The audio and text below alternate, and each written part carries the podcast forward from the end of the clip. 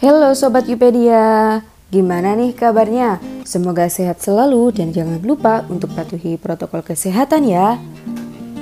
Hai, aku Anita Firdaus akan menemani kalian dalam podcast bertemakan Gerak Pejuang Pra Kemerdekaan.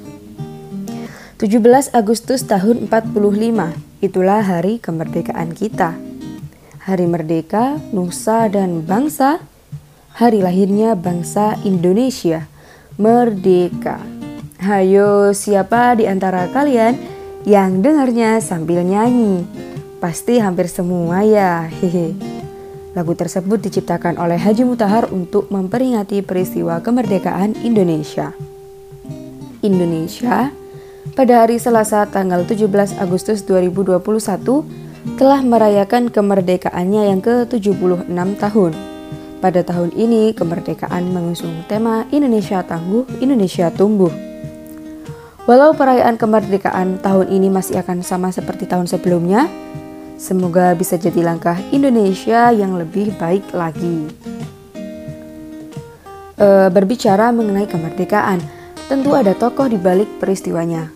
Pahlawan adalah sebutan bagi mereka yang luar biasa berjasa bagi bangsanya.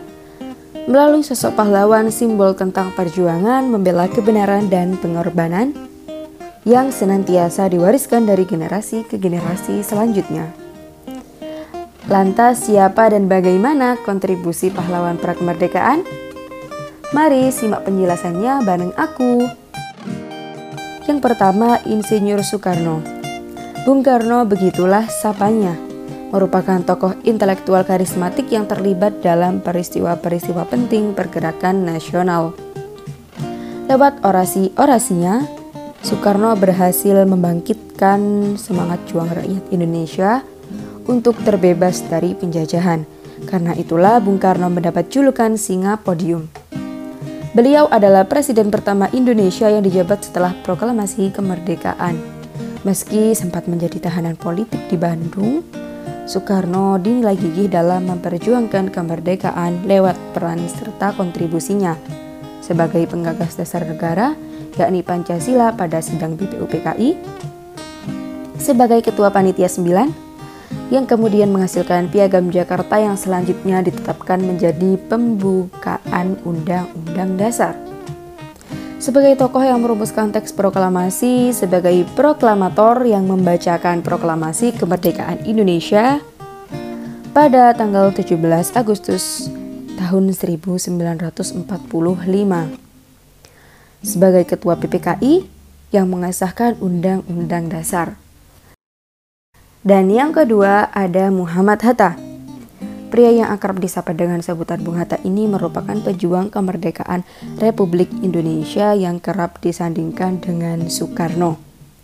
Tak hanya sebagai pejuang kemerdekaan, Bung Hatta juga dikenal sebagai seorang organisatoris, aktivis partai politik, negarawan, proklamator, pelopor koperasi dan seorang wakil presiden pertama di Indonesia. Bung Hatta ikut berperan aktif pada masa pra-kemerdekaan. Muhammad Hatta ikut dalam perumusan teks proklamasi, mengajukan usul dan menandatangani teks proklamasi oleh seluruh tokoh yang hadir di rumah Laksana Maeda saat itu. Berhasil mendesak Belanda dan mengambil simpatik dunia pada konferensi meja bundar yang pada akhirnya Indonesia pun mendapat pengakuan dari Belanda dan dunia. Yang ketiga ada Ahmad Subarjo.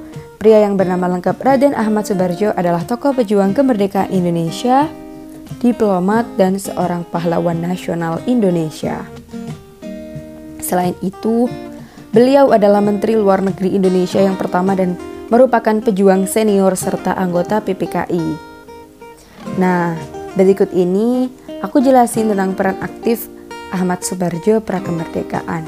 Terlibat sebagai penulis proklamasi di rumah Laksana Meda, menengahi konflik serta menyebut Soekarno dan Hatta di Rengas Dengklok memutuskan bahwa proklamasi kemerdekaan harus dilaksanakan di Jakarta. Yang keempat ada Laksana Maeda. Pria berkebangsaan Jepang ini juga menjadi tokoh proklamasi kemerdekaan Indonesia. Ia merupakan seorang perwira dengan jabatan sebagai Wakil Komandan Angkatan Laut Jepang di Jakarta dan ikut bersimpati pada perjuangan kemerdekaan Indonesia.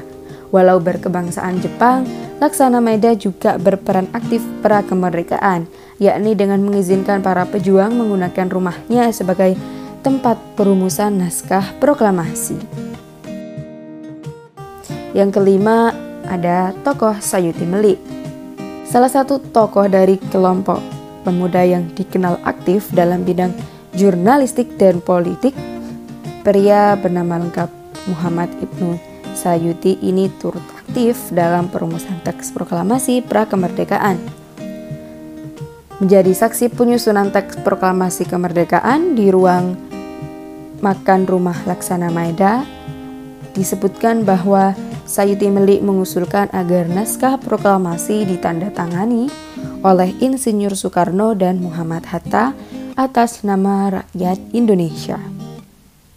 Sayuti Melik mengetik naskah proklamasi dengan melakukan perubahan tiga kata, yakni kata tempoh men diganti menjadi tempo, kata wakil-wakil bangsa Indonesia diubah menjadi atas nama bangsa Indonesia, serta pengubahan tulisan bulan dan hari.